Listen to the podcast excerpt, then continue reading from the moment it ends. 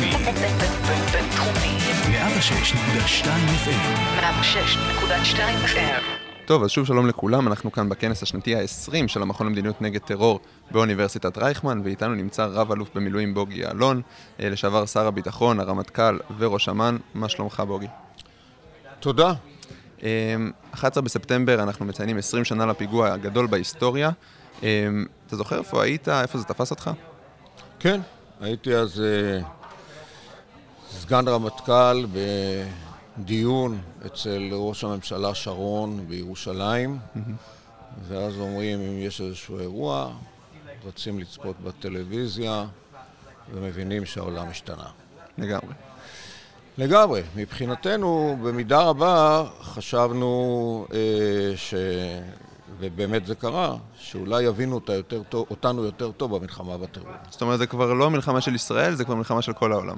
כן, בהחלט, כי אתה יודע, אני כראש אמ"ן ניסיתי לשכנע למשל גם את האמריקאים וגם את הבריטים וגם אה, מדינות אירופה האחרות, למשל, אה, לא לאפשר איסוף כספים לחמאס, שבסוף פגשנו אותם, ב... פגשתי אותם אישית אפילו ביהודה ושומרון. ואף אחד לא מוכן לשמוע, זה חייב חקיקה. כן. ואחרי 9-11 פתאום יש את ה-Patriot Act, חקיקה שכמובן מגבילה איסוף כספים לטרור. מתייחסת לטרור באופן שונה. כן. אני חושב שגם uh, ההתייחסות של בוש בסופו של דבר לערפאת uh, השתנתה אחרי 9-11. Mm-hmm. הייתי רוצה לשאול אותך, דווח הבוקר uh, בניו יורק טיימס שאיראן רחוקה חודש מפצצה גרעינית. אנחנו שומעים ברקע גם את ההתחייבויות של ביידן לזה שאיראן לא תהיה גרעינית. מה עמדתך? ישראל צריכה לשאוף להסכם או דווקא לחלופה צבאית?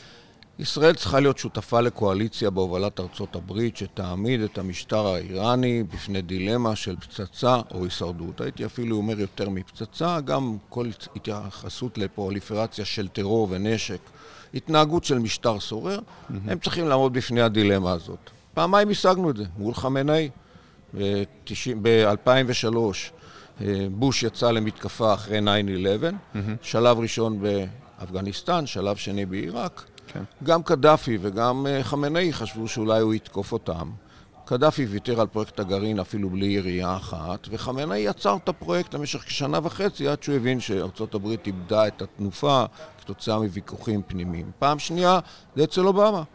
שילוב של לחצים, של קואליציה בינלאומית שהתגבשה אז, שהשתמשה גם בבידוד מדיני של המשטר, גם בסנקציות כלכליות נשכניות, מה שנקרא, וגם באיום צבאי אמין, הביאו את המשטר, אותו חמינאי, כן. ב-2012, להבנה שההישרדות שלו מאוימת. הכלכלנים שלו אמרו לו שאם זה יימשך כך, תוך שנה אין איראן, היא תקרוס.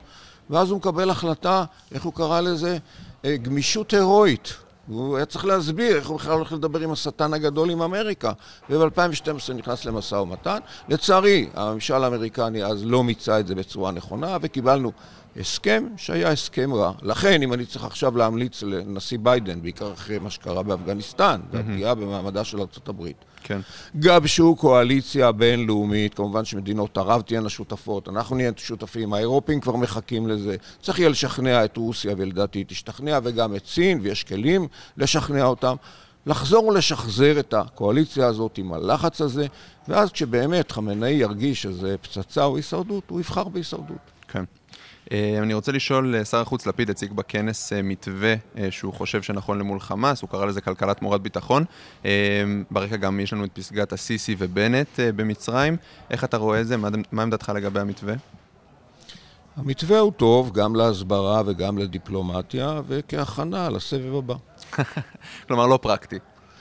אני לא חושב שלפיד מאמין שזה פרקטי, אלא נכון שישראל תציע הצעות שבסוף, כשהצד השני מסרב, תהיה לנו סיבה טובה להכות אותו שהוא בל יורך. עצם ההצעה עצמה היא טובה לישראל. כן. כן. הייתי רוצה רגע לשאול על דווקא איום מצפון, על חיזבאללה. אתה חושב שישראל, גם מבחינת העורף וגם מבחינה צבאית, ערוכה למלחמה מול חיזבאללה?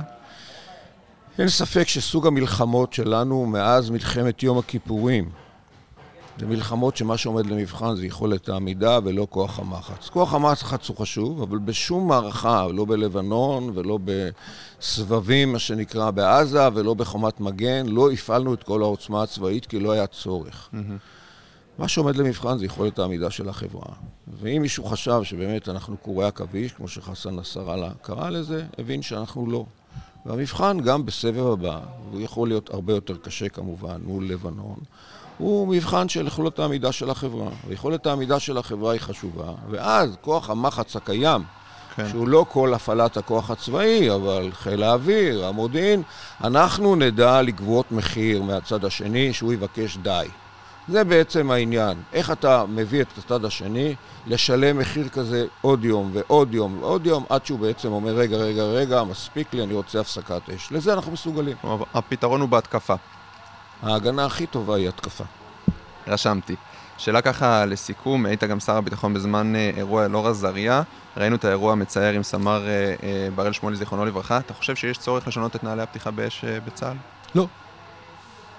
אני ראיתי את האירוע המצער באמת, שבו נפל לוחם מג"ב, בראל חדריה שמואלי, זכרו לברכה.